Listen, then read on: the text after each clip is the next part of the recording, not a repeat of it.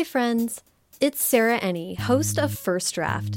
Over my five years of interviewing published authors, people who have already overcome all the hurdles to getting a book out in the world, there's something that still comes up time and time again. I didn't know much about Capital P Publishing, and what I thought I knew was just a fraction of what there is to know. How confusing the publishing process can be. No one's really sitting you down and walking you through the 101 of uh, book publishing. That's why I'm launching a brand new podcast miniseries called Track Changes. We'll get a deep dive behind the scenes look at the people and processes that make the industry work.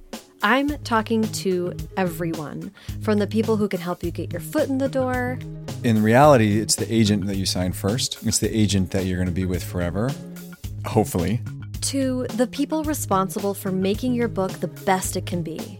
I think the editors have the toughest job, honestly. Plus, getting industry vets to shed light on how you can and can't be a better advocate for your book. Getting the sales team excited about your book is the most important thing you can ever possibly do, and it is the one thing authors have absolutely no control in. And we're going to be talking about what's really at stake along the way.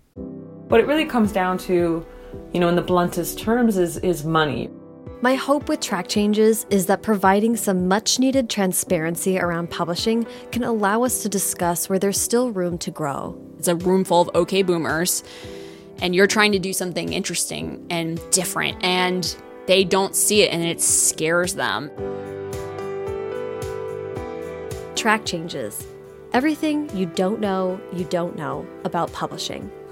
First episode drops April 16th in the first draft feed. See you there.